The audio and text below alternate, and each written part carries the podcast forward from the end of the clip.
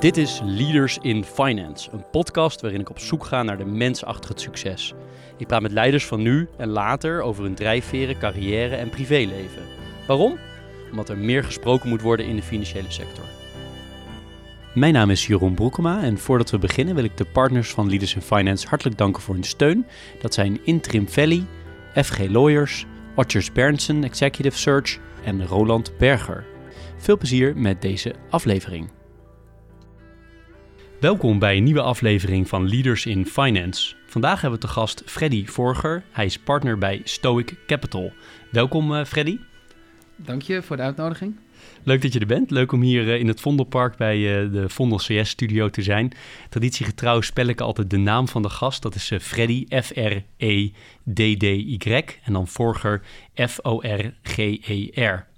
Ik zal jou kort introduceren.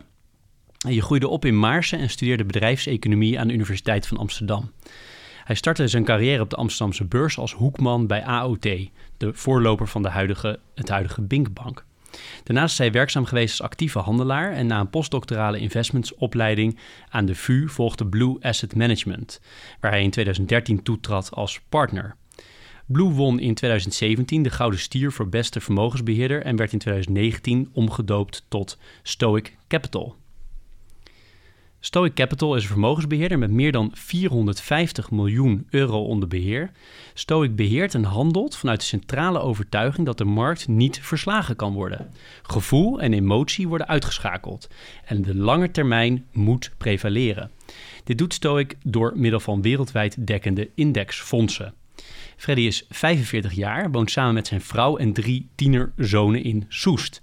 Hij is fanatiek wedstrijdtennisser en golft daarnaast. Nou, dat geeft een beetje een beeld uh, van jou, Freddy, op, op hoofdlijnen. Ik wilde eigenlijk eens een, een, een vraag stellen over twee namen. Allereerst jouw achternaam.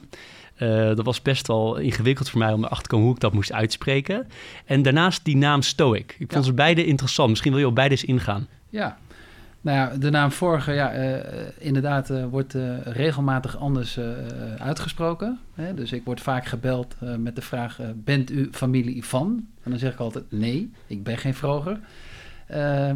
en in de tijd dat ik nog beurshandelaar was, eind jaren negentig, en veel avondhandel deed met New York, ja, nam ik vaak op en met Forger.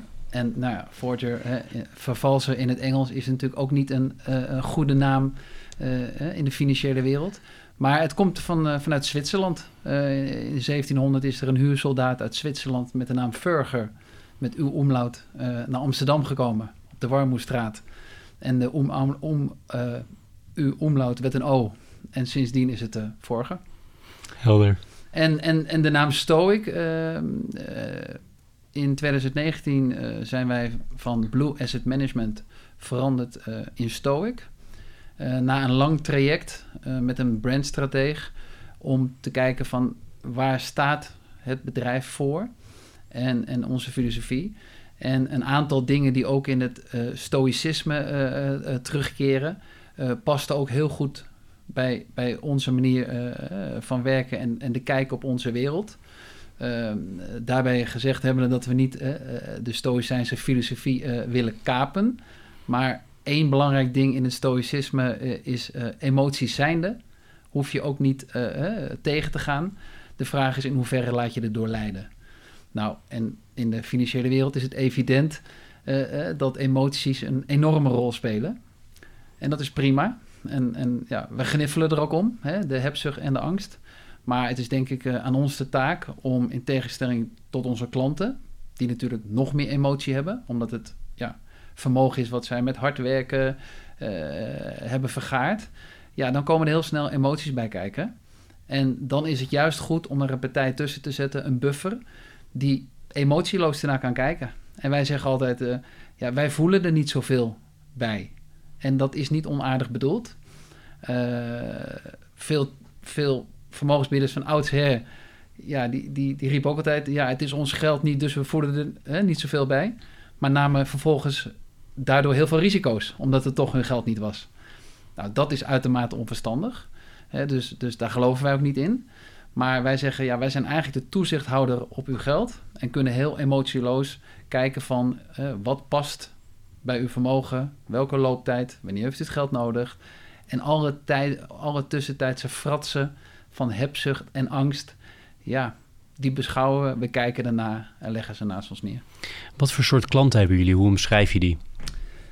Ja, ik denk dat je op een gegeven moment ook, als je een hele scherpe propositie neerzet, dat je natuurlijk ook bepaalde klanten naar je toe trekt. Hè? Je, hebt, je hebt denk ik, in ieder geval, uh, we hebben lovers en we hebben haters. En je probeert natuurlijk de lovers uh, uh, naar je toe te halen. Dus uiteindelijk zien wij dat wij veel ja, klanten hebben die, ja, die beamen wat wij zeggen. ook erkennen dat ze zelf moeite hebben om zo rationeel ernaar te kijken. Uh, en zeggen, want, want wij zeggen altijd heel gekscherend, ja, wat wij doen is niet zo moeilijk. Uh, een laptop pakken, een, een, BINK-rekening of een Giro-rekening openen en een paar indexfondsen kopen, kan iedereen. dat, uh, we zeggen altijd, we moedigen ook iedereen aan om dat vooral te doen, want het is de verstandigste manier om je geld veilig weg te zetten. Maar om er vervolgens niet meer aan te komen, ja, dat is heel moeilijk als het je eigen geld is. Dus jullie zijn eigenlijk een soort emotiebuffer? Precies.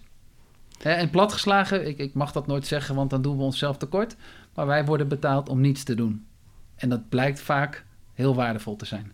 Maar dat is een heel interessant businessmodel. Ik denk dat er heel veel mensen zijn die graag een bedrijf beginnen waarbij je niks hoeft te doen. Maar ja. jullie doen echt niks? Nou ja, daarom zeg ik, hè, ik, we proberen hem altijd plat te slaan. Hè, om, om, om, om zeg maar van het ene uiterste, uh, wat veel vermogensbeheerders natuurlijk uh, van oudsher tot de dag van vandaag zeggen van... Uh, met allerlei modellen en analisten weten wij precies wat er gaat gebeuren. En we gaan bij bedrijven langs. En hè, we liggen bij de Apple Store, liggen we voor de deur om te kijken hoeveel nieuwe iPhones er worden verkocht. Dat is natuurlijk, ja, net als een marktkraampje, heel interessant. Want uh, des te meer je met dozen schuift, des te interessanter het lijkt voor de klant van hé, hey, daar gebeurt wat. Nou, om daar tegenwicht aan te bieden, zeggen wij ja, leuk dat ze dat allemaal doen. Onderaan de streep zien we dat het eigenlijk alleen maar rendement kost voor de klant. Ontzettend aantrekkelijk businessmodel voor de beheerders, maar totaal niet voor de klant. En dan zeggen we altijd, als klanten zeggen, wat doen jullie dan? Dan beginnen we altijd niets. Nou, dan staan ze altijd een beetje raar te kijken van, waarom zou ik jou dan betalen? Nou ja, dan zeggen we altijd, goede vraag. Hè? Uh, uh, dan moeten de kosten ook extreem laag zijn. Nou, dat zijn ze bij ons ook. Dus uh, dat is dan afgevinkt. Maar dan zeg ik altijd, ja, ik kan nu wel heel druk gaan doen en ingewikkeld om u het idee geven dat u dit niet zelf kan. Nou, dat sprookje proberen we door te prikken. Iedereen kan dit, letterlijk. En als iemand zegt, ik wil het zelf doen, dan krijgt hij van ons de portefeuille. En dan zeggen we, hier zijn de, hè, de easing codes waar je zeg maar, de fondsen kan opzoeken. Alleen wij zien in de praktijk dat het voor het grootste uh, gedeelte van de mensen heel moeilijk is om vervolgens gedurende die 15, 15 20 jaar hè, dat je ja, je geld op, op je spaarrekening zet in aandelen of obligaties, om er dan vanaf te blijven. En, en ook vandaag weer, hè, de beurzen zijn uh, afgelopen jaar naar een uh, forse daling hard opgelopen. Nou, als iemand dan nu zegt, ja, ik ga bij Stoic starten, maar ik wacht nog even, want... Nou, dat zijn eigenlijk dus alweer precies de emoties. Wij zeggen dan direct starten, ongeacht hoe hoog hè, de markten staan. Want als het goed is, past het bij jouw looptijd. En hè, doet het er niet toe of je nu instapt of over een maand. Want over 15 jaar staat het hoger dan nu en heb je je geld beschermd. Maar dan zie je dus dat emoties ook dan een rol spelen. Instapmoment, uh, moet ik er even uit, et cetera.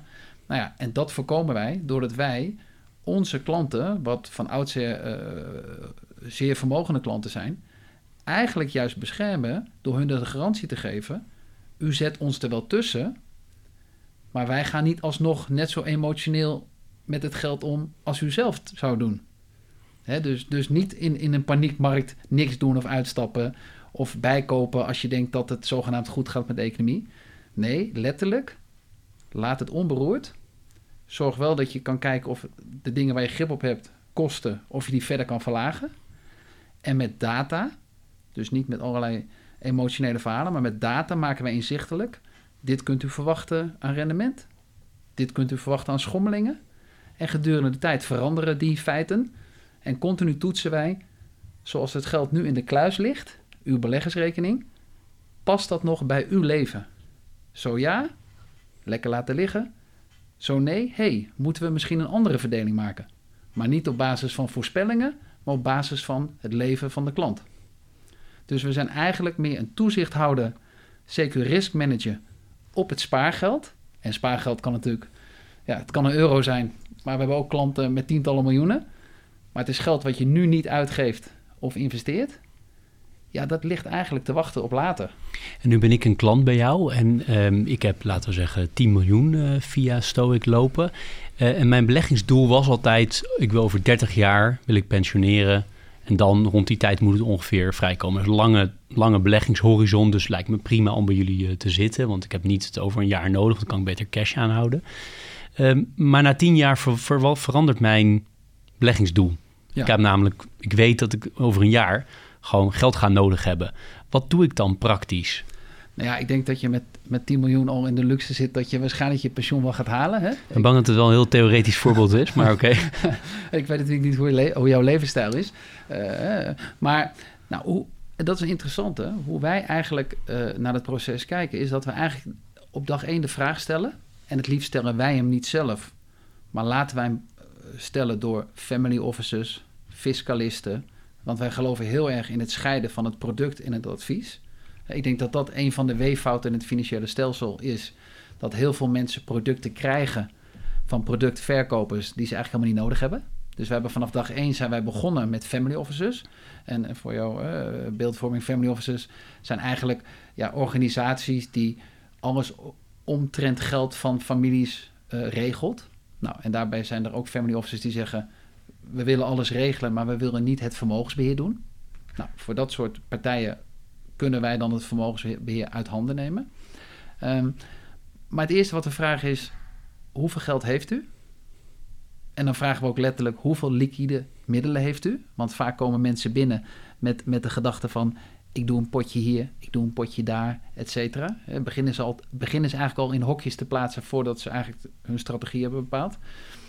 En dan zeggen we: oké, dit is de liquiditeit die u heeft. Op welk gedeelte, uh, in welk jaar heeft u een gedeelte nodig? Nou, idealiter zou je een kaststroomschema hebben uh, tot je honderdste, om het maar even aan de veilige kant uh, te houden. En dan ga je terugrekenen.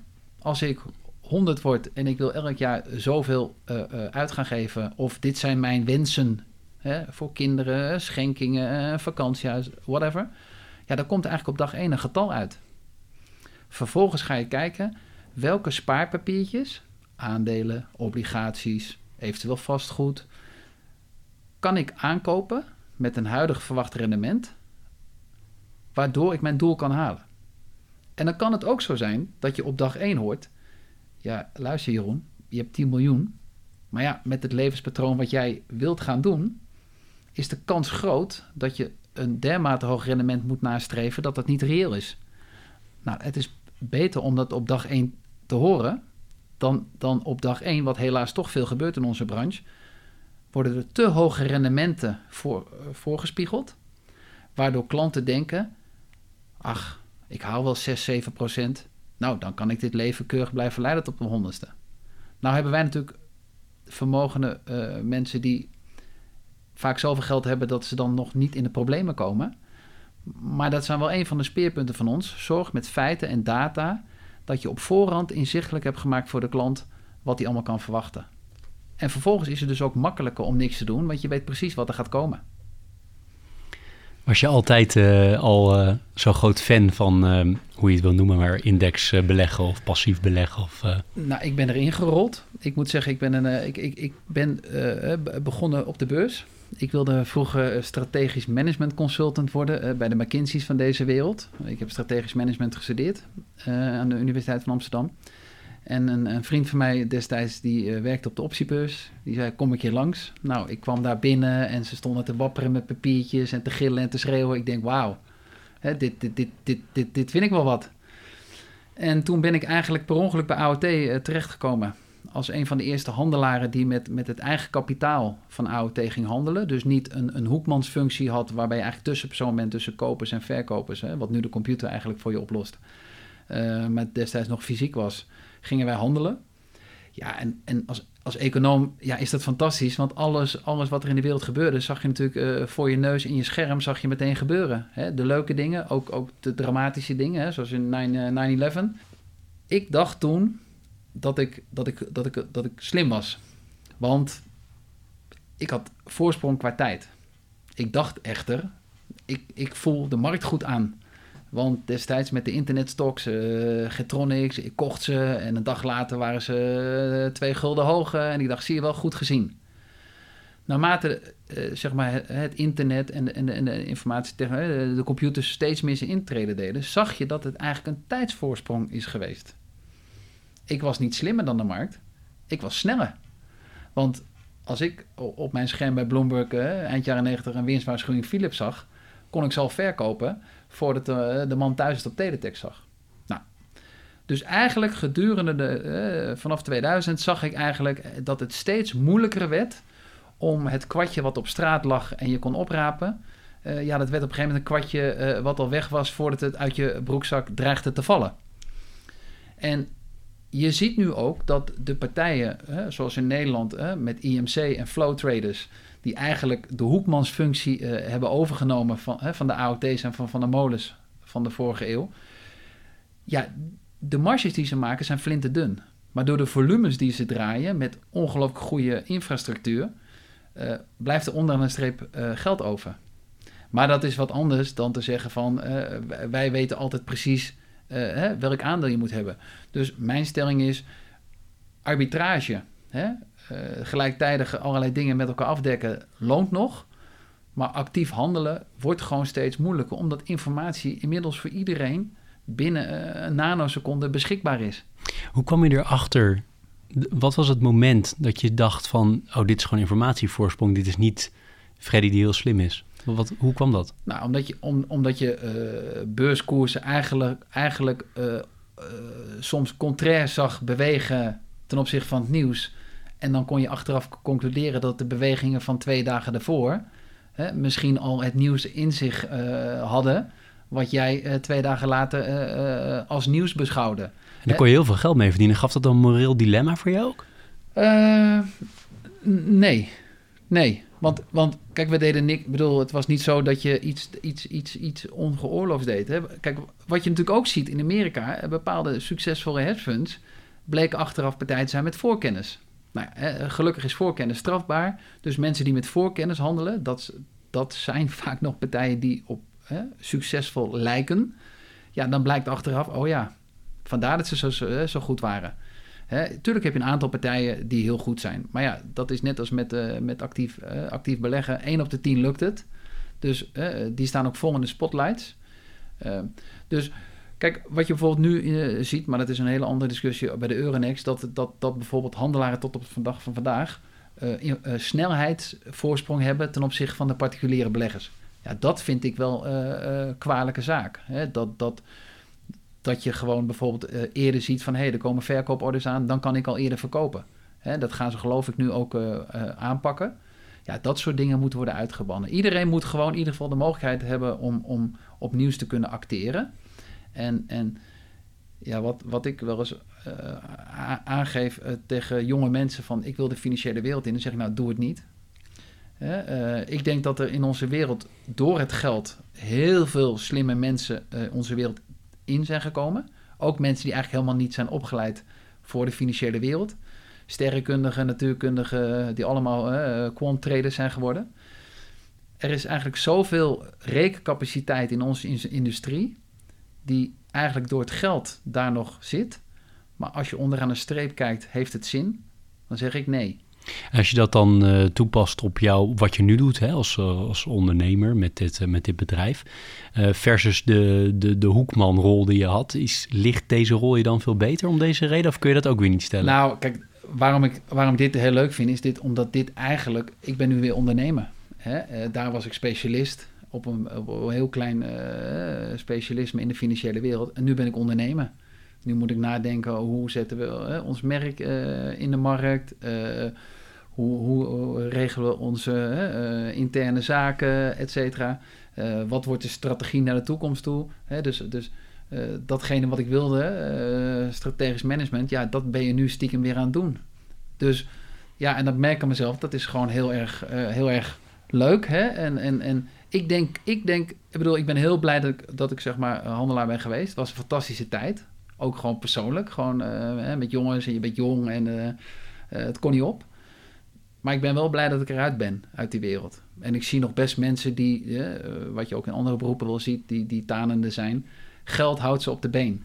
En dat is interessant, hè? want ik kan me voorstellen dat toen uh, dat er echt grof geld verdiend werd. Ook door jou persoonlijk. Wat, wat, wat deed dat met je? Want je was uh, nog helemaal niet oud. Nee. Was, en nu ook niet, maar nee. toen was je nog veel jonger, laat ik ja. het zo positief verwoorden. Nou ja, kijk, dat is het. Kijk, uh, je, geld is dan echt letterlijk gewoon uh, een instrument. Dus als jij 100.000 gulden op een dag verdiende met handelen, ja, dat voelde helemaal niet als 100.000 gulden. Kijk, en dat is denk ik ook in ons vakgebied zo. momenteel, als wij zeggen tegen iemand met 5 miljoen, let op de kosten want als je het een procent goedkoper kan doen, is het 50.000 euro. Ik denk als ik de klant 50.000 euro in een koffietje geef, gaat het leven. Maar op papier doet het niks. En dat is ook natuurlijk als handelaar. je ziet getallen en het, het, ja, het zegt je niks. En... Nee, maar ook, ik bedoelde ook jou, jou persoonlijk. Je kreeg zelf natuurlijk ook wel een, uh, als jij het goed deed, kreeg je natuurlijk ook goede bonussen. Ja. Die wereld was natuurlijk heel erg incentive gedreven. Dus je had op best wel jonge leeftijd serieus geld. Ja. Waarschijnlijk vergeleken met toch ook andere mensen die dat minder hadden ja. om je heen, hè, die ook gestudeerd hadden. Absoluut. Um, dus, dus hoe ging jij daarmee om? Nou, niet goed. Hè? Nee? Daarom, daarom, daarom uh, niet goed in de zin van, ik bedoel, uh, ik heb uh, geen rare dingen ermee gedaan. Ik heb, ik heb genoten. maar ik, ik heb wel eens gezegd, nou ja, ik had toen eigenlijk willen weten wat ik nu weet. Hè? Dus kijk wat je, wat je nodig hebt om 100 te worden. Reken dat terug naar het heden. Zet dat apart weg tegen lage kosten, et cetera. het nadeel van snel geld verdienen is dat je denkt, nou ja, morgen verdien ik het weer. Dus dit kan ik vandaag wel spenderen aan een mooie reis. En nogmaals, al die, al die herinneringen, die nemen ze me niet meer af. En ik heb het niet gespendeerd aan gekke dingen. Ik heb het ook gespendeerd aan het opbouwen van een eigen bedrijf. Uh, nou ja, ik ben eigenlijk, nadat ik bij AOT ben gaan handelen, ben ik eigenlijk van de ultrakorte strategieën naar steeds langere strategieën ga, gegaan. Ik heb op een gegeven moment heb ik ook een eigen hedge fund gehad. Nou, hedge fund klinkt heel groot, maar gelukkig ben ik heel klein begonnen. Ik heb gezegd, ik denk dat ik een strategie heb waar ik de markt mee kan verslaan. Maar laat ik eens klein beginnen. veel van mijn eigen geld zat erin en van een aantal friends en family. Uh, zijn nog steeds friends and family. Maar die strategie die was zeg maar in, in, in 2011, 12 voornamelijk op, op, op short strategie, op dalende koersen. Europa lag op omvallen en ik wilde een strategie neerzetten die tegenwicht gaf aan ja, het feit dat je voor de lange termijn nou eenmaal bezitting hebt, maar korte termijn bewegingen eventueel kan opvangen door short-term strategieën. Hè? Nou, dat was niet succesvol, dus binnen, binnen een paar jaar halveerde dat fonds. Nou, de enige goede set die ik heb gehad is van tevoren al tegen mensen gezegd: doe een heel klein beetje erbij. En het fonds zelf was heel klein. Dus, dus wat dat betreft, uh, en dat vind ik ook nog steeds in, in ons huidige werk.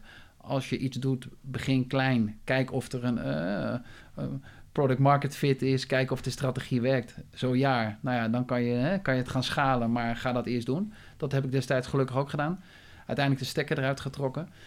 Maar gedurende die tijd zag ik eigenlijk steeds meer van: luister eens, als je echt veilig je geld wil wegzetten voor later, en dat betekent dat je wil voorkomen dat je geld verliest, maar dat je ook wil voorkomen dat je geld bij de bakker minder waard wordt. Kortom, je koopkracht wil je ook in stand houden. Zal je in aandelen of in panden moeten zitten, want dat zijn hè, uh, categorieën die een lange looptijd uh, nodig hebben, omdat ze tussentijds qua waarde kunnen schommelen. We hebben al even gehoord hoe jij uh, in die um, beurshandel terecht kwam. Via een vriend of je zag iemand en je werd enthousiast. Als we nog een paar stappen daarvoor gaan, kan je iets vertellen over hoe je bent opgegroeid? Ja, ik ben geboren in Utrecht. Toen vrij snel naar de, naar de Finex-locatie uitgewaaid. Hè, zoals je nu ook weer ziet in Maarsen. Maarsebroek. Ik zeg altijd Maarsen, maar het was Maarsebroek. Het was de minder chique gedeelte. Nee, maar fantastische jeugd gehad. Uh, eind jaren 70, begin jaren 80. Ik was fanatiek sporten. Ik, ben, ik heb altijd op hoog niveau getennist. mijn droom als kind was proftennisser te worden. Ik zat in een generatie, in een bouwjaar waar er daadwerkelijk drie of vier ook dat gehaald hebben. Uh, Schenk Schalken, John van Lottem, Dennis van Scheppingen. maar ik was niet goed genoeg. Maar ik heb daar tot op de dag van vandaag ontzettend veel lol van. Wanneer wist je dat, dat je niet goed genoeg was? Ja, ik denk een jaartje of 15. Hoe kom je erachter? Nou ja, als je op een gegeven moment ziet dat de ander gewoon beter is. En als je een klein beetje zelfkennis hebt, dan zie je op een gegeven moment wel van... wow, die, die, die, die is echt een stuk beter.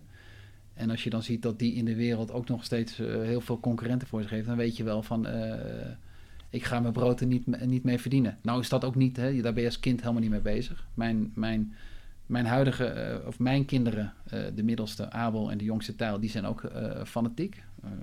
de middelste is Nederlands kampioen, dus die heeft het zeg maar al verder geschopt dan ik destijds. Ik was nummer 10 van Nederland bij de jeugd en, en, en, hij is nummer 1. Maar het belangrijkste is, en dat, dat heb ik aan overgehouden, is de passie. Je bent, je, hebt, je, je, bent met iets bezig en ik, wil, ja, ik had gewoon een droom, ik wil proftennisser worden. Ik denk dat de mensen om me heen al, al bij spreken vijf jaar eerder zagen van uh, dat, dat gaat hem waarschijnlijk niet worden. Maar ik vind, ja, die droom hebben is eigenlijk veel mooier dan het uiteindelijk uh, bereiken. Was je teleurgesteld toen?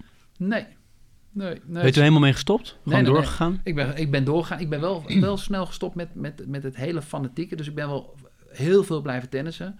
Maar niet meer bij een tennisschool. En, en uh, ik ging bij uh, Soesdijk, bij de club, uh, ging ik op zich nog wel op hoog niveau spelen. Maar ja, ik, ik had wel door van, ik ga lekker studeren. Ik ga er lekker bij tennissen. af en toe win je een toernooi en verdien je nog een leuk zak, zakcentje. En dat ben ik eigenlijk blijven doen. En ik speel eigenlijk nu, wij spreken nog steeds op hetzelfde niveau van toen ik 25 was. Hè? Uh, het, het, wordt allemaal wat strammer. Uh, en dan word je relatief gezien steeds beter waarschijnlijk. Nou ja, dat is het. De rest wordt sowieso slechter. Dus ik ben ook een paar keer nog uh, in die finale van, ik noem het maar het oude lullen NK terechtgekomen. Niet omdat ik zo goed ben, maar ja, als je maar lang genoeg blijft tennissen. Ik, ik, ik weet nog wel dat ik een paar jaar geleden in de finale stond en er stonden er naast mij twee mensen en ik hoorde de deur opengaan van de hal. Ja, komt u maar, komt u maar, loopt u maar verder. Ja, komt u maar. Ja, die mensen zagen niks meer. Die waren 89. Die stonden in die finale. Hadden maar één doel. Wij willen als eerste ooit een keer NK 90 plus spelen. Nou ja, dus, dus dat is het mooie van tennis. Hè? Als je maar lang genoeg blijft staan, dan, dan word je vanzelf een keer kampioen. Een soort ETF-strategie op tennis. Uh, ja, gewoon, ja. Uh, blijven zitten. Maar uh, kan je nog iets meer over de jeugd vertellen? Wat voor soort opvoeding je hebt, hebt genoten? Ik denk een, op zich een, traditionele opvoeding van destijds. Uh, mijn moeder, uh, ik heb een zus, jongere zus, drie jaar jonger. Uh, mijn moeder werkte niet, was thuis voor de kinderen. Dus als wij thuis kwamen, stond er een kop thee klaar. Ehm, omdat ik veel tennis, daar gaat natuurlijk ook veel tijd in zitten. Dus er moet veel, dat merk ik nu zelf. Hè. Ik, heb, ik heb de passie doorgegeven van mijn kinderen. En soms denken we wel eens, wow, weet je, we zijn alleen maar aan het organiseren, broodjes smeren, tassen klaarzetten, et cetera. Mijn vader had een eigen bedrijf een, eh, een eh, aannemings- en een eh, bouwbedrijf. dus het ondernemerschap is wel, dat was een familiebedrijf, wat alweer ook generaties daarvoor was. Dus het ondernemen is me eigenlijk wel vanaf dag één met de paplepel ingegoten. En alleen, ik heb altijd heel veel gesport. Dus ik, ik, ik heb niet als, als, als scholier al eigen ondernemings gestart. Of, ik bespande records. Nou, dat was op zich al lucratief. Dus zo kon je al een zakcentje bij verdienen.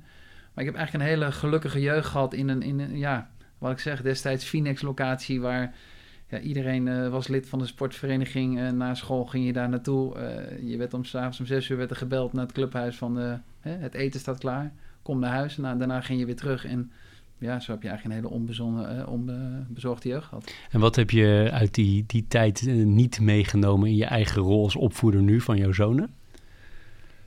Oeh, niet meegenomen.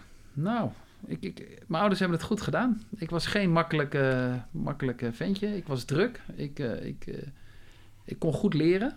Uh, dus ik verveelde me snel op school. Nou, als je je gaat vervelen op school. Hè, tegenwoordig is het denk ik wat beter geregeld met op maat gemaakte trajecten. Maar ja, als je, destijds moest je natuurlijk mee met de horde. Ja, als je het al klaar had, dan dacht je van... kan we wat anders gaan doen? Dus op school was ik, stond ik vaker buiten de, buiten de klas dan in de klas. Maar mijn ouders hebben me eh, wat dat betreft uh, ja, wel gewoon streng opgevoed. Maar ja, me ook wel de vrijheid gegeven om uh, me gewoon als persoon te ontwikkelen. en de fouten te maken die je denk ik hoort te maken. En dat hoop ik ook mijn kinderen mee te geven. Ik, ik, denk dat je dat... Ja, je leert natuurlijk van je ouders hoe jij bent opgevoed. Nou ja, dan schaaf je misschien wat dingetjes bij. Stiekem zie je dat je natuurlijk ook weer dingen doet dat je dacht van... Hè, dat doe ik nooit en je doet het ook. Maar uh, ja, nee, ik, ik, ik, uh, volgens mij doen we, het, uh, doen we het aardig met z'n tweetjes. Hoe kwam je studiekeuze tot stand? Ja, ik was, ik was wel want mijn oudste zoon die zit nu zes gymnasium en die weet, ja, die is heel technisch in, in, in, ingesteld. Die wil denk ik naar Delft, maar die weet nog niet precies wat hij wil. En dan ga je terugkijken van ja, maar hoe kom ik eigenlijk op bedrijfseconomie uit? Maar ik kan me dat niet goed meer herinneren, maar het stond eigenlijk altijd al klaar uh, als een paal boven water dat ik economie wilde gaan doen. Ik bedoel, ik was geen held met bloed, dus uh, een arts zou ik niet zelf worden. Ik was niet heel technisch, dus het zou ook niet snel een technische studie worden. Dus ja, dan wordt het denk ik of rechten. Nou, dat, dat, daar ging mijn interesse niet naar uit. Dus werd het bedrijfseconomie. En daar heb ik eigenlijk geen spijt van gehad. Ik bedoel, het is een ontzettend leuke studie. Uh, het is niet, denk ik, de meest ingewikkelde studie. Uh, maar ja, het belangrijkste vind ik van een universitaire opleiding... is dat je natuurlijk analytisch leert denken. En dan doet het eigenlijk er niet toe wat voor studie je doet... je, je, vraagt altijd als iemand wat zegt, hey, is dat wel zo? En uh, waar is dat op gebaseerd? En je komt met tegenargumenten. Nou ja, dat hele denkproces, uh, dat, dat neem je eigenlijk mee in de rest van je leven. En dat is eigenlijk het belangrijkste, naar mijn mening, van een universitaire opleiding. Wat voor student was je? Nou, omdat ik veel sportte, was ik. Eh, ik heb niet bij een, uh, een, vereniging gezeten of het koor. Ik studeerde in Amsterdam. Dan, dat is natuurlijk een stad. Ja, veel vrienden van mij zaten op de HEO en uh, je, je fladderde wat uit over de stad. Dus je had niet echt de noodzaak om bij een vereniging te komen. Als je natuurlijk veel sport, is dat eigenlijk al je vereniging. Dus ja, naast het studeren ging je nog heel veel toernooien spelen. Daar had je je vrienden. Dus ja, dan was er eigenlijk ook helemaal geen tijd voor een. voor een voor een ander soort, uh, ander soort leven. En heb je, waar ik altijd heel erg nieuwsgierig naar ben, zijn er bepaalde mensen geweest? Je hebt die, die ene vriend die jij waarschijnlijk, uh, ik weet niet of het nog steeds een vriend is, maar die jou enthousiast gemaakt heeft voor het beursvak. Ja. Zijn er nog meer van dat soort mensen geweest die wel heel cruciaal voor jou zijn geweest in, jou, in jouw loopbaan? Um, of in je leven misschien? Ja, ik denk dat mijn vader uh, een belangrijke rol heeft gespeeld. Die, die, die heeft, en dat is denk ik in de financiële, financiële wereld ook, ook wel belangrijk. Die heeft altijd geleerd van geld kan je elke dag verliezen, maar je naam maar één keer. Dus, dus dat is wel een les die ik altijd... De, dat morele kompas, ik bedoel, ik ga hier niet een moraalridder zitten uithangen, maar die heeft mij wel gewoon op een natuurlijke wijze, denk ik dat ik goed aanvoel van, hé, hey, hoe hoor je te doen? Um, ja, voor de rest kom je, ik, ik, heb, ik heb weinig bazen gehad. Uh, dat is ook natuurlijk een nadeel, want dan uh, ja, als beurshandelaar ben je eigenlijk een beetje je eigen baas. Hè, uh, tot het fout gaat. En dan moet je even melden waarom je bepaalde dingen hebt gedaan. En dan, dan merk je weer dat, dat je een leidinggever hebt. Maar voor de rest is het eigenlijk altijd...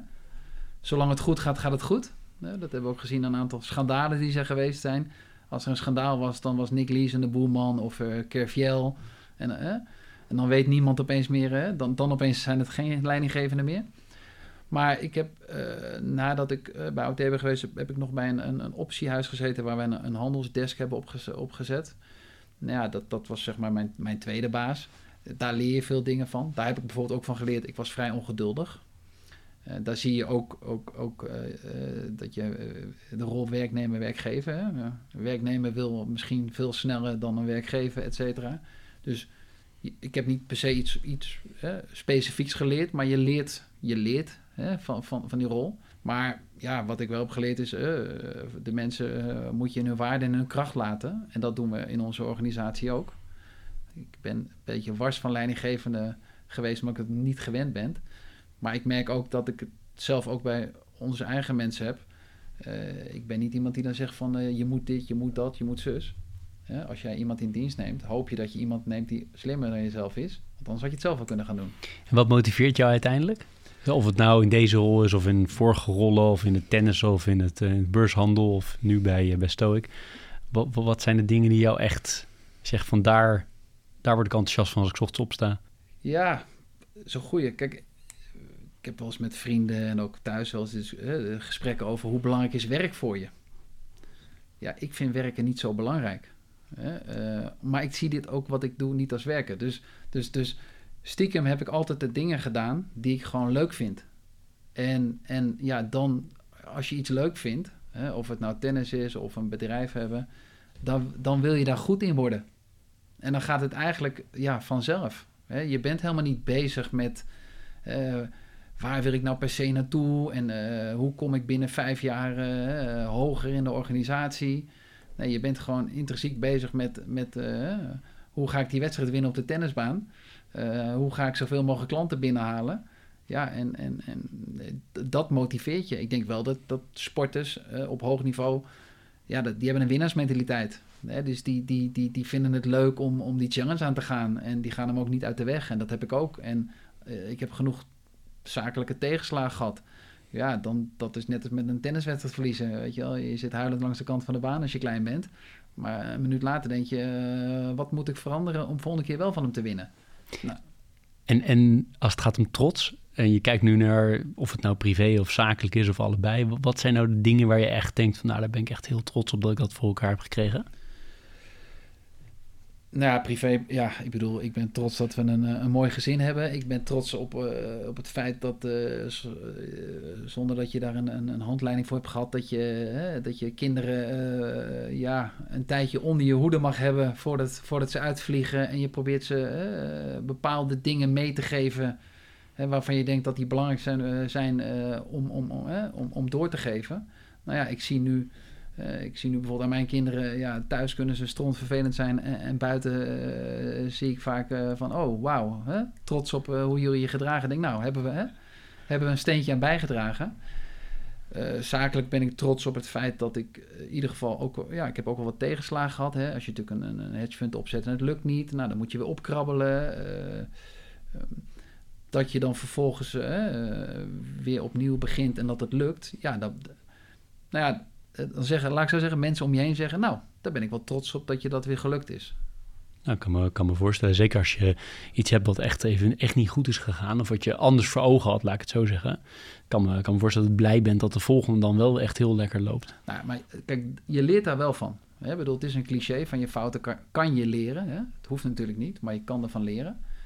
Maar er zijn, in, de, in, de, in mijn carrière heb ik aardig wat fouten gemaakt. Een, een van de fouten die ik had was dat ik ongeduldig was. En op zich is dat niet, niet erg, want bedoel, als je ziet dat het niet goed gaat, dan is het helemaal niet erg om snel te schakelen.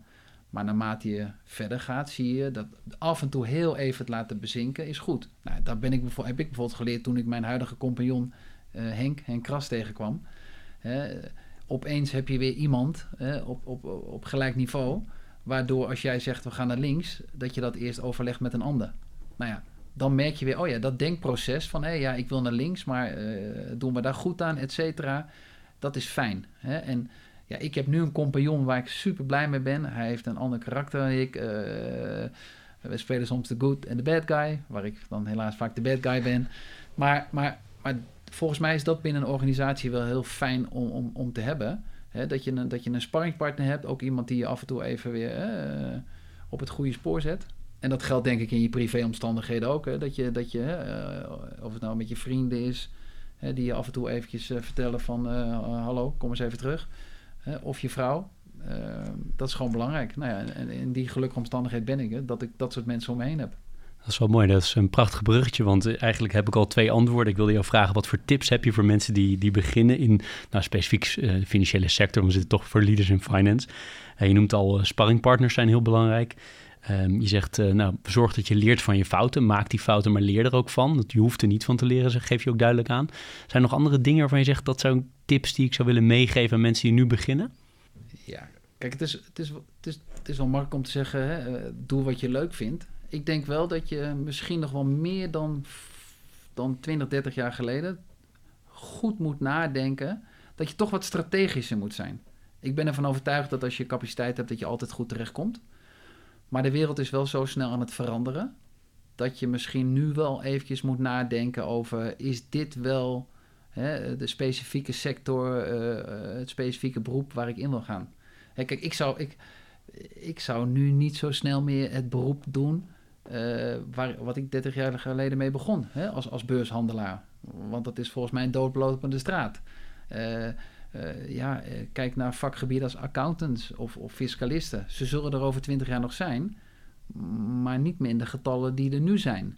Hè? En we zijn natuurlijk in het huidige onderwijs, zijn we natuurlijk nog wel op bepaalde vakken zijn we veel mensen aan het uitspugen hè, uh, op de arbeidsmarkt waarvan ik denk, leiden we ze niet voor het verkeerde vak op. En het gaat natuurlijk door de, door de technologie. Hè? Je hebt veel gasten hier gehad, ook in de fintech. De, de zaken gaan zo snel Hè, dat ik als tip zou hebben, probeer zo hoog mogelijk opleiding te doen hè, binnen je capaciteit. Uh, om te zorgen dat je zo breed mogelijk uh, jezelf ontwikkelt. Probeer dan ook zo breed mogelijk te starten. Hè, wellicht bij een toch wat grotere organisatie waar je wat meer mogelijkheden hebt. Of bij een organisatie, we hebben ook stagiaires in dienst gehad die al vrij snel veel verantwoordelijkheid kregen. Om te zorgen dat je ja, al jong kan ontdekken van hé, hey, waar liggen mijn talenten en welke kant kan ik op. Mooi. Mooie, denk ik, mooie, mooie, mooie tips. Um, we hebben ook altijd een teaser en een pleaser bij, uh, bij Leaders in Finance. En ik heb een, uh, een hele lange teaser opgeschreven, een hele korte. En ik denk dat ik toch voor de korte ga, dat is wat makkelijker. Krijg je de lange nog wel te horen? Die krijg je achteraf nog te horen, oh, tuurlijk, oh. tuurlijk. Er zitten eigenlijk geen grote nadelen aan de enorme opmars van passief beleggen in de wereld. Er gaan miljoenen, miljarden, nou biljoenen zelfs naartoe. Er zitten eigenlijk gewoon geen nadelen aan. Klopt. Het is, het, kijk, de financiële wereld zit vol met marketing, prietpraat. Uh, en elke zoveel jaar uh, verzinnen de, de, de, de productaanbieders of de banken wel weer een nieuw marketingsausje. Nou, toen uh, hè, op een gegeven moment na twee goede correcties in 2001 en 2008 bleek dat het heel moeilijk is om de markt te voorspellen, kwam er opeens het fenomeen passief beleggen op. Nou, dat is iets wat in de jaren 60 uh, van de vorige eeuw al lang uh, aanwezig was. Sterker nog, ik denk dat pensioenfondsen en verzekeraars destijds het deden zoals, zoals nu weer de trend is. koop iets, zorg dat je de kosten laag houdt en laat het liggen. Het enige verschil tussen nu en, en toen was toen was een portefeuille, kon je fysiek ja, niet zo makkelijk de hele wereld kopen. Dus je kocht een paar hoekstenen hè, van de portefeuille. In Nederland koninklijke olie en dat soort fondsen. En je bleef er vanaf. Hè. En dan krijg je van die fantastische verhalen van, van grootvaders en grootmoeders... die ergens nog Bataafse petroleum aandelen in een bakje hebben liggen... en bij de bank gaan en erachter komen dat er tienduizenden aandelen koninklijke olie zijn geworden. Hè. Nou, ik denk dat dat nog steeds het, de beste manier van beleggen is. Nu komt er opeens de term passief beleggen op. Dus we hadden actief, supergoed. Nou, dat was opeens niet meer goed. En nu is passief, is het. Waarvan wij zeggen, ja, passief. Ik bedoel, als ik te horen krijg dat ik passief ben... Hè, of dat mijn kinderen op school passief zijn... dat is nou niet iets positiefs. Kijk, passief is eigenlijk letterlijk, ik doe niks. Maar als ik morgen een aandeel Wirecard koop... kan niet meer, maar hè, twee jaar geleden en ik doe niks... ja, dan ben ik passief aan het beleggen. En ben ik aan het eind van de rit wel mijn geld kwijt. Dus Passief beleggen is eigenlijk een verkeerde term. Maar met die term is de industrie weer aan de haal gegaan. Want opeens konden ze weer uh, zonnepanelen, prima. Alle zonnepanelenbedrijven stoppen we in een mandje. Dat noemen we niet meer een uh, actief uh, zonnepanelenmandje, maar we noemen het een passief mandje. En vervolgens gaan we dus weer zonnepanelen in een mandje aan klanten verkopen. Maar dan ben je wel heel erg aan het speculeren op een bepaalde sector. En ja, of je dat nou doet door zeven bedrijven individueel aan te kopen en op je rekening te storten, of via een uh, wit boodschappentasje waar ze alle zeven in zitten, maakt niet uit. Je bent aan het afwijken van de wereldeconomie. Nee, dat is helder. En als je vanuit de belegger bekijkt, vind ik dat ook heel overtuigend. Maar ik wil toch nog even terug naar die teaser en dan vanuit het macro-economisch perspectief. Kan het zo zijn dat je bijvoorbeeld suggestie, ik weet het niet, jij weet er vele malen meer van. Maar doordat er zoveel mensen passief, of hoe je het allemaal noemt, maar in indexen uh, werken en niet in individuele aandelen, dat er minder liquiditeit is, waardoor je veel steviger of heftiger uitslagen kan krijgen op die markten. Absoluut. Dus wat je ziet is dat de, de lange termijn volatiliteit neemt af en de korte termijn volatiliteit wordt hoger. Dus wat zag je? We hebben een flash crash gehad een paar jaar geleden. Uh, we hebben nu met de pandemie gezien in tijden van paniek, doordat het ja, in boodschappentasjes klaar ligt, maar ook omdat, ik denk voornamelijk door de informatietechnologie, kunnen mensen met één druk op de knop, kunnen ze in één keer hun portefeuille liquideren. Dus wat zie je in maart? In één keer komt er een crisis waarvan niemand weet wat de afloop is. was dit een nieuwe bankencrisis geweest, was de markt nooit zo hard gedaald. Want dan weten we al het draaiboek wat er gaat gebeuren. Nu was er een pandemie. Nou ja, hè, op misschien een paar stokoude beleggers na, met de, die de Spaanse griep hebben meegemaakt. Waarbij ook trouwens de beurs heel hard omhoog ging. Vlak nadat die uitbrak. Zie je dat mensen in paniek raakten. Het wordt nooit meer zoals vroeger en dit en dat. Nou, dan zie je dat het niet maanden duurt om 40% te dalen, maar twee weken. Maar je ziet ook dat doordat iedereen heel snel kan zien van wat is er nou feitelijk gebeurd, opeens binnen twee maanden herstelt het ook. Nou, nu krijg je de emotionele rollercoaster dat mensen zeggen, hoe kan de AIX op 600 staan terwijl de wereld in brand staat? En dan zeggen wij, hoe kan het zo zijn dat de AIX naar 400 gaat, omdat de wereld één jaar in brand staat, maar bedrijven opeens voor de helft gewaardeerd worden? Terwijl de kaststromen ja, één jaar misschien halveren, maar niet tot in de oneindigheid. Dus ja, de dalingen zullen heftiger zijn. En, en vervolgens de correcties omhoog ook. Het grappige is, eigenlijk zou je dus kunnen zeggen dat actieve beleggers de komende decennia steeds meer kans krijgen om het verschil te maken. Want zij weten blijkbaar wel wat de goede en de slechte bedrijven zijn. Maar het, grappige is, ik zie de resultaten van actieve beleggers steeds verder naar beneden zakken. En als ik nou kijk naar de index van dit jaar. En ik zou tegen jou zeggen, Jeroen, uh, alle technologiebedrijven staan 100% in de plus. Uh, reisorganisaties, hotels, banken, vastgoedbedrijven staan 50% in de min. Dan zou je bijna kunnen zeggen, nou, het lijkt wel of dat de wereld op slot zit of zo. Dus we zijn een jaar verder. De wereldwijde index staat weer in de plus, maar compleet anders ingedeeld. Dat laat dus zien dat de markt als geheel feilloos weet welke bedrijven totaal geen last zullen hebben van deze pandemie en welke bedrijven wellicht nu nog niet zoveel last ervan hebben, maar uiteindelijk misschien straks wel niet meer bestaan door deze crisis en een andere kijk op het leven. En elke keer zie je dat de markt als geheel uitermate goed in staat is om dat uit te filteren. Aan de pleasende kant. Uh, altijd dezelfde. Heb jij, uh, lees je graag? En zo ja, heb je bepaalde boeken die, jij, uh, die inspiratie voor jou zijn of die je mensen adviseert? Of anderszins graag wil noemen? Ja, nou, ik lees heel graag. Ik lees alles wat los en vast zit. En ehm, ik lees eigenlijk de hele dag. Dus elk, elk onbewaakt moment waar ik kan heb, zit ik wel te lezen. Maar dat zijn niet altijd uh, de, de, hoogstaande uh, literatuurboeken. Ik heb, uh, toen ik VWO deed, had ik talen in het pakket. Toen heb ik echt wel even een knauw gehad een paar jaar daarna. Want toen was ik wel even klaar met al die, met, met die stapels boeken die ik in een paar maanden tijd moest wegwerken. Maar ik, ik heb periodes, hè, eh, nu eh, tijdens de lockdown lees je denk ik nog wat meer dan op andere momenten. Eh, ik heb met veel plezier de afgelopen maanden de, boeken van Peter Buwalda gelezen en van Pieter Waterdrinken, De Rad van Amsterdam. Ik heb een heel interessant boek gelezen, wat eigenlijk ook in het verlengde ligt van, van waar de naam Stoic vandaan komt, het Stoïcisme. Dat is de formule van geluk van meneer Gadat, een oud werknemer van Google. Die eigenlijk op een wiskundige manier uh, geluk probeert te benaderen. En daar ook, net als uh, in stoïcisme, eigenlijk zeggen van ja, alles in het verleden kan je niks meer aan doen.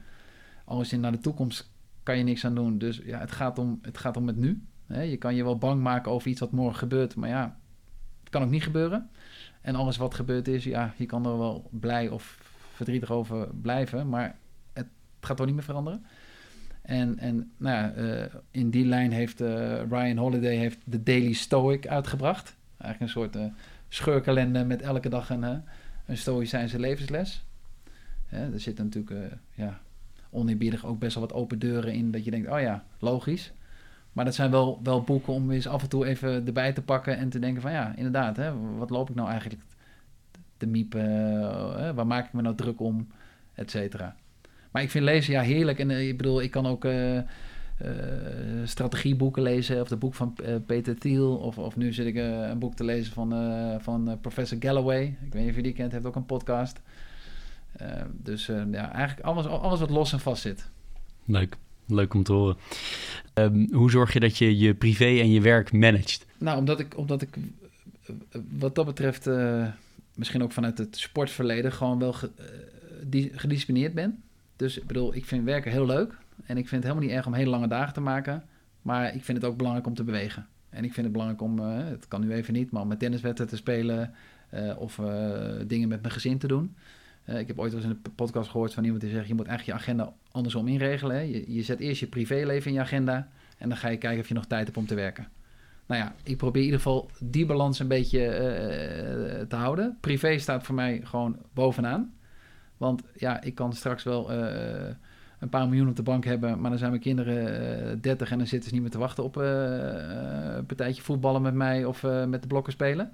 Dus, van, eh, dus ik heb altijd veel aandacht besteed aan, aan, aan, aan die kant. Want dat komt nooit meer terug. En werken kan ik mijn hele leven nog. Dus ja, wat dat betreft, als, eh, voor mezelf hou ik die balans zo. Ja, en dan, en dan, is het ook, ja, dan wordt werk ook leuk. En dan, ja, dan maak je misschien niet de carrière die hè, sommige mensen in de financiële wereld wel hebben gemaakt door dag en nacht uh, uh, te werken, vliegtuig in te stappen en uiteindelijk bovenop de apenrots te zitten met een paar miljoen. En dan achterom kijkend zien van, hé, hey, zijn dat mijn kinderen? Dus ik heb altijd een privéleven op één gehouden. En ja, dan, dan hou je werken prima vol. Ja, dat is een hele heldere keuze in ieder geval. Uh, dat, dat, dat is duidelijk. Um, is er nog iets waarvan jij zegt, uh, Jeroen, jammer dat je niet gevraagd hebt? Of dat, dat zou ik graag nog willen delen? Ik, ik hoop dat de luisteraar ziet dat wij uh, proberen de financiële wereld, die eigenlijk onnodig gecompliceerd is gemaakt, dat wij in ieder geval op ons vakgebied proberen weer zo, zo plat als een dubbeltje te slaan. Uh, iedereen moet sparen. En als je niet spaart, ben je geld aan het verzamelen. Nou, zorg dat je dat op een goede manier verzamelt in plaats van op je traditionele spaarrekening. Uh, en moeilijker dan dat is het niet. En daar helpen wij graag bij. En nou ja, ik hoop dat ook op andere uh, vlakken van, van, van in ieder geval uh, onze wereld, de financiële wereld, is dat mensen niet met hun mond praten van bij ons staat de klant in belang, maar dat ze dat gewoon gaan doen. En wij hebben in ieder geval, en daar ben ik wel blij ook binnen ons team en ook met mijn compagnon, tot nu toe ook dingen gedaan die onze portemonnee op dag 1 meteen raakten, maar die wel goed waren voor de klant. Hè, dus hè, jij vroeg mij voor de uitzending met welk bedrag kan je bij Stoic beginnen. Wij hebben in principe geen ondergrens. Maar wij zeggen bijvoorbeeld tegen mensen: als u 100.000 euro heeft en u heeft het over twee jaar nodig, dan zouden we voor u nu een staatsobligatieportefeuille kopen met een gegarandeerd rendement van min een half. Nou, dan komen onze uh, kosten er nog bij. Dan komt u misschien op min 0,8. Maar u kunt er nu op de bank tegen nul wegzetten. Hou het maar op de bank. Nou, dan hoor je dat mensen aan de telefoon uh, verbaasd zijn van... Oh, oh, dus eigenlijk zegt u dat ik, dat ik het beter op de bank kan houden. Terwijl ze verwachten natuurlijk een heel gelikt verhaal van... kom maar bij ons. Nou, ik denk dat onze collega's... Hè, uh, om allemaal straks weer op die verjaardag te staan... en met trots te kunnen zeggen... Hè, ik werk in de financiële wereld en ik help mensen. Hè, ik, ik heb een kritisch beroep... ja, moeten we wel een gedragsverandering uh, inzetten. En ik zie wel van de, de huidige generatie dat dat wel komt. Hè. De bla bla is eraf, de pakken zijn eraf. wees gewoon transparant, doe je broek naar beneden en laat zien wat je hebt. Uiteindelijk denk ik dat ook de klanten van die generatie daar natuurlijk wel aan toe zijn. Hè? Aan, aan gewoon een helder verhaal. En als het, niet, als het niks voor ze is of ze weten het beter, zeggen joh prima, ook goed. Maar dan hebben wij het in ieder geval wel verteld en dan kan je nooit meer zeggen: ik wist het niet. Mooi. Mooi, uh, mooi einde volgens mij. Of ik kijk je nog even aan nu. Dat kunnen luisteraars niet zien. Maar of is er nog iets anders waarvan je zegt nee. wat ik willen toevoegen? Nee, nee, ik vond het... Uh... Voordat ik jou ga bedanken. Uh, een paar dingen die mij heel erg bijblijven is... Één, dat je kan leren van je fouten, maar dat hoeft niet. Dat vond ik mooi hoe je dat zei en ook hoe je dat toegelicht hebt. Dat extreme focus op het laag houden van de kosten. Ik denk dat dat iets is wat me ook heel erg bijblijft. Wat me verder bijblijft is dat, dat je hamert op het feit dat die financiële sector eigenlijk gewoon te groot is. Dat die kleiner kan. En dat die dan uh, in mijn woorden ook altijd waarde moet toevoegen als die, als die die grootte heeft. En ik vind het interessant hoe je heel expliciet, hè, ik zou eigenlijk nog moeten checken bij de mensen om jou heen of dat dan zo is, maar dat je echt kiest voor privé, uh, uh, nou ja, als, als, als heel belangrijk, omdat dat niet meer terugkomt en werken je altijd nog kan doen. Nogmaals, ik kan het niet checken of het zo is, maar ik ga er nee, helemaal vanuit als ik jou zo hoor. Je kan mijn kinderen bellen, hè, die vragen heel vaak, uh, vooral de jongste vraagt dan heel vaak, pap, wat ga je doen? Ik zeg, nou, ik ga werken. En dan zie je verbazing in zijn ogen. Dan denk ik, oh, ik moet toch nog wat vaker gaan. Mooi. Met dank aan Bloemon krijg je zo meteen na de aflevering nog een, eh, een klein bedankje. En uh, voor nu heel erg bedankt voor je uh, ontzettend enthousiaste en energieke verhaal. Dankjewel. Dit was Leaders in Finance. Veel dank voor het luisteren. Ik hoop dat je ervan hebt genoten. Voordat we afsluiten zou ik je willen vragen als je feedback hebt om deze te delen met mij via een Apple of Google review. Via de social media kanalen of natuurlijk direct per e-mail. Ik kan het altijd enorm waarderen als mensen dat doen. Tot slot, ik dank mijn partners voor hun steun. Dat zijn Interim Valley, FG Lawyers, Otjes Berndsen Executive Search en Roland Berger.